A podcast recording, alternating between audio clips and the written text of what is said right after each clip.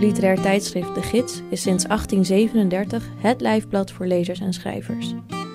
En vanaf nu ook voor luisteraars.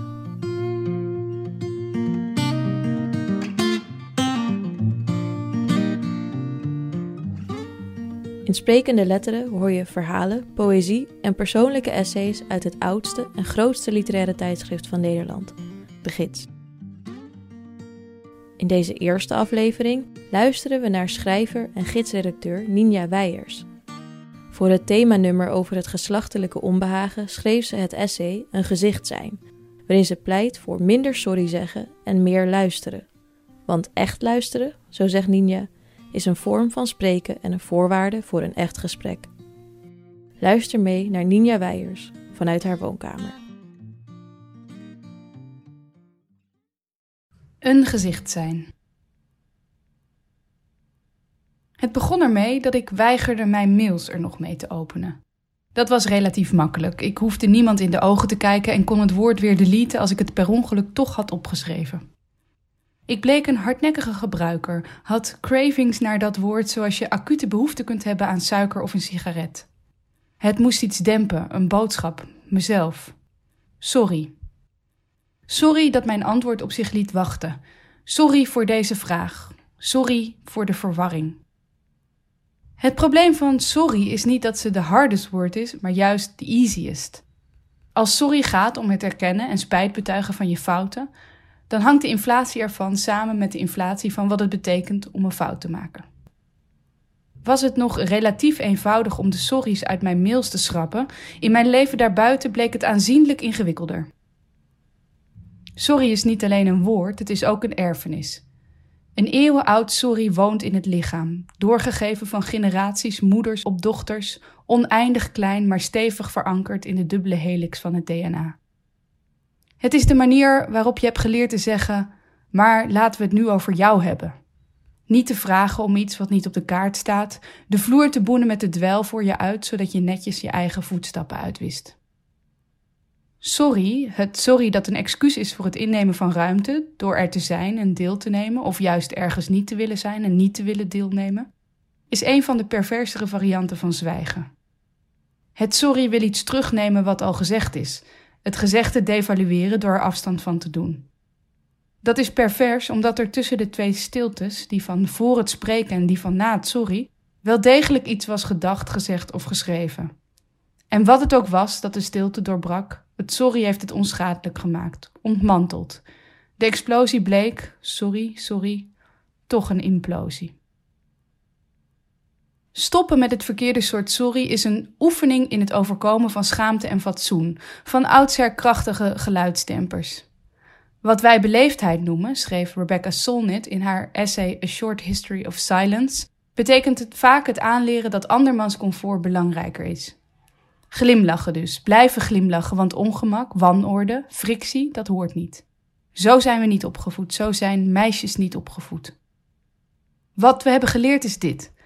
Dat we lachen om te laten zien dat we de beroerdste niet zijn, dat we tegen een stootje kunnen, dat we zijn verheven boven zoiets kinderachtigs als woede. Dit hebben we geleerd zodat de glimlach van onszelf lijkt, een bewuste superieure keuze en geen variant van zwijgen of sorry, nee hoor, echt niet. Als student werkte ik een paar jaar lang als kok in de keuken van een eetcafé.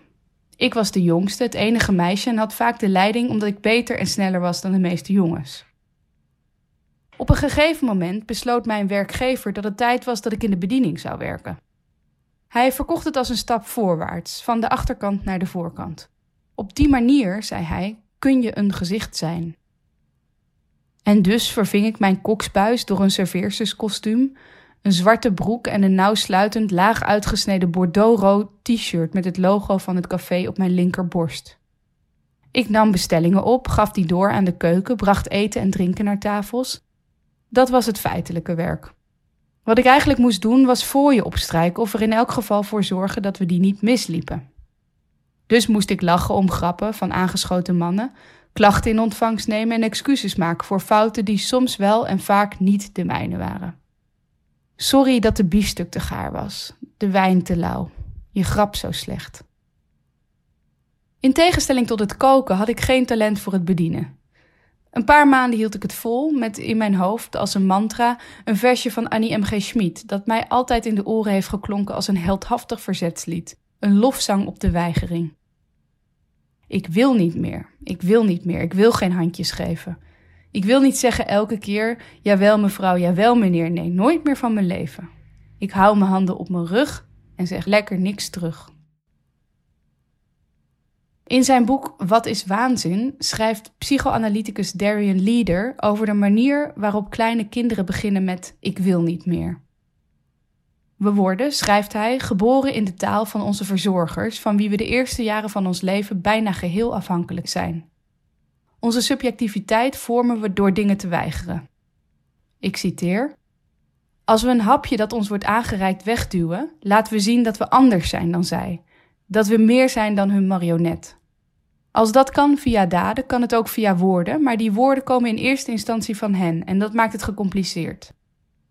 Wij leren taal via hen en als denken inderdaad berust op verbale structuren, komt ons denken dus ook van hen. Einde citaat. We worden in andermans taal geboren en ook later in ons leven komen we voortdurend terecht in andermans taal, die we ons inderdaad op een gecompliceerde manier gaandeweg eigen moeten proberen te maken. Door te weigeren, ermee te spelen, vaststaande betekenissen te bevragen, te verwerpen, binnenste buiten te keren. Maar serveren is een spel, zei een bevriende kelner laatst tegen me. Serveren is verleiden. Het probleem was dat ik van het spel toen niets begreep. Ik begreep niet hoe je zo'n rol moest spelen, hoe je in zo'n positie de macht naar je toe kon trekken, de regels naar je hand kon zetten. Los daarvan wilde ik niemand verleiden. Ik wilde iets doen waar ik goed in was of kon worden. Ik wilde een stem die van mezelf was. Toen ik een dienblad met twaalf glazen Weizenbier in iemands schoot liet vallen, begreep ik dat het tijd was. Niet om terug te gaan naar de keuken, maar om het gebouw te verlaten. Het belangrijkste recht, lees ik in de roman I Love Dick van Chris Kraus, blijft het recht te spreken vanuit een positie. Toen Audre Lorde, die zichzelf omschreef als zwart, lesbisch, moeder, krijger, dichter, in 1977 werd gevraagd om te spreken op een congres van de Modern Language Association in Chicago, zag ze niet in waarom ze dat zou doen. Ze had daar naar haar eigen idee niets te zoeken.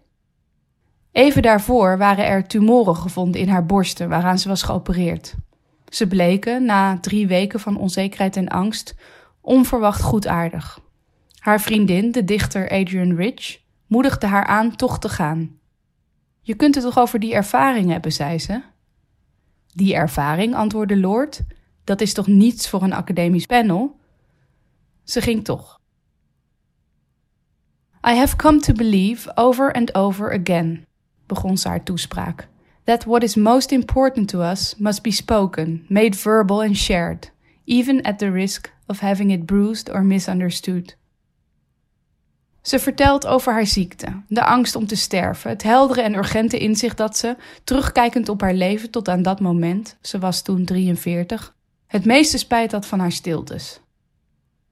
I was going to die, if not sooner than later, whether or not I had ever spoken myself. My silences had not protected me. Your silence will not protect you. Spreken begon voor Lord met de weigering gedefinieerd te worden door andermans taal en daden. Als zwarte lesbienne in de Verenigde Staten bevond ze zich haar hele leven op een kruispunt van racisme, seksisme en homofobie. Ze viel volkomen buiten wat de samenleving zag als acceptabele vrouw en wist dat overleven geen academische vaardigheid was. It is learning to stand alone, unpopular and sometimes reviled. Op de congressen waar ze sprak, zelfs als die geheel gewijd waren aan het feminisme, was ze vaak de enige zwarte vrouw. Ze weigerde dat ongenoemd te laten, weigerde haar woede te vermommen als iets anders, weigerde andermans comfort belangrijker te vinden dan dat wat volgens haar gedefinieerd en gehoord moest worden. Wie spreekt heeft een toehoorder nodig, een ander van vlees en bloed, maar ook een abstracte ander met een hoofdletter A, een plaats in het spreken van waar wij gehoord kunnen worden, zoals Leader het formuleert. De aanwezigheid van de ander vormt dus een anker waarmee wij onze eigen positie kunnen bepalen. Pas met dat anker van de luisteraar verandert ons spreken in communiceren.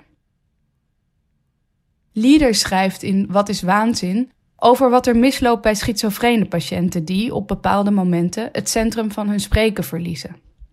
Degene die psychotisch spreekt, construeert de betekenis niet als sprekende onder de bepalende invloed van de ander. De betekenis ligt van tevoren vast, waardoor de luisteraar, concreet of abstract, van geen betekenis meer is. Het gevolg is ofwel leeg, nietszeggend geklet zonder symbolisch middelpunt, ofwel een spreker die doelwit wordt van goddelijke communicatie. Wat er in het psychotische spreken gebeurt is extreem, maar ook meer doorsnee manieren van communiceren lopen spaak wanneer de luisteraar verdwijnt uit het spreken. Omdat die luisteraar er niet toe doet of omdat het luisteren is teruggebracht tot haar meest armzalige definitie: zwijgen en gehoorzamen. Nog maar één of hoogstens twee generaties terug schreef Marja Pruis recentelijk in een essay in de Groene Amsterdammer over alledaagse misogynie was het volkomen duidelijk wat een echte vrouw was, een echte man, wie aan de borrel of vergadertafel sprak en wie er luisterde. Ook buiten de psychose bestaan er veel manieren van spreken die eigenlijk niet als zodanig kunnen worden aangeduid, omdat de inhoud al bij aanvang onwrikbaar vaststaat. Veel van wat wij spreken noemen komt in werkelijkheid neer op het uitvoeren van een monoloog, het opdragen van een bevel, een verbod, een pamflet, een schotschrift. En niet alleen de vorm van dit spreken ligt vast, ook de spreker zelf is, zoals Pruis schrijft, van oudsher tamelijk duidelijk gedefinieerd. Net als de luisteraar aan die borreltafel of vergadertafel, uiterlijk kalm, naar alle waarschijnlijkheid glimlachend, terwijl ze van binnen stukje bij beetje wordt verteerd door haar stilte, omdat er in die stilte altijd een plek is die helemaal niet stil wil zijn, niet wil luisteren, niet op die manier. Voor vrouwen is luisteren van oudsher het tegenovergestelde geweest van spreken. Een vorm van gehoorzamen, van niet deelnemen, een ondergeschikte positie innemen, inleveren. Het is de dienstmeid in mij, de serveerster. Mijn oma die geen idee had hoe je nee moest zeggen. Hoe ze de voorgevormde taal van moeder, huisvrouw, echtgenote kon ombuigen tot iets wat werkelijk van haarzelf was. Luisteren, echt luisteren, is een vorm van spreken en niet het tegenovergestelde ervan. Als luisteren met gehoorzamen te maken heeft, dan spreken net zo goed. En als spreken een weigering kan inhouden, dan luisteren net zo goed. Wanneer mensen beginnen te spreken die voorheen stil waren, en als daaruit een nieuw soort taal ontstaat om de wereld te beschrijven en vorm te geven, moeten er ook nieuwe manieren van luisteren worden gevonden.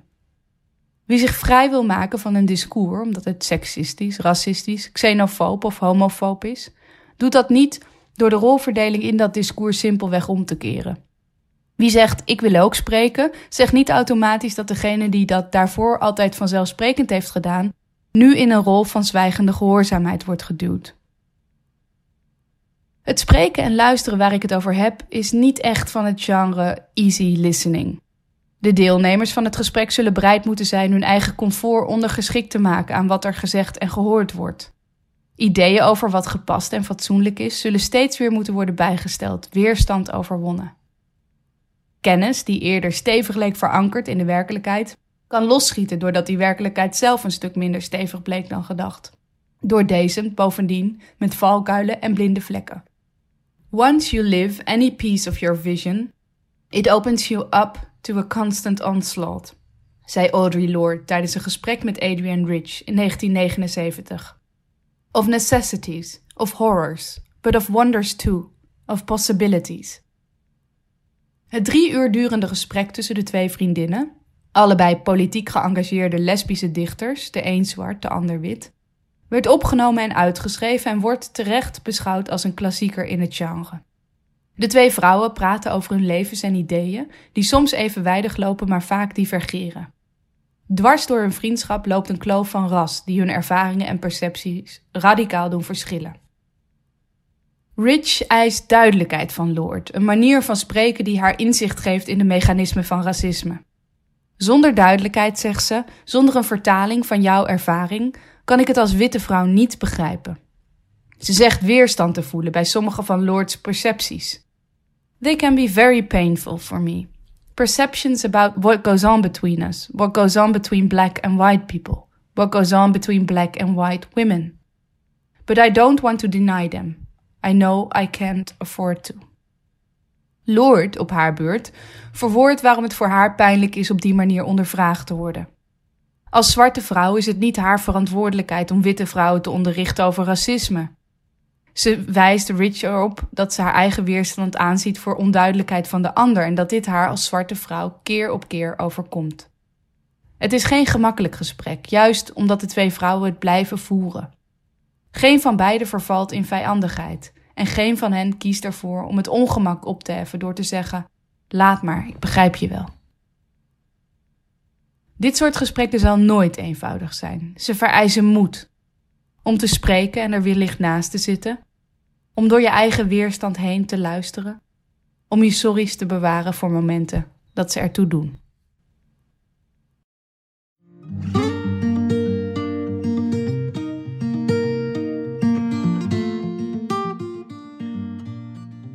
Ninja Weijers schrijft voor de Groene Amsterdammer en is redacteur van De Gids.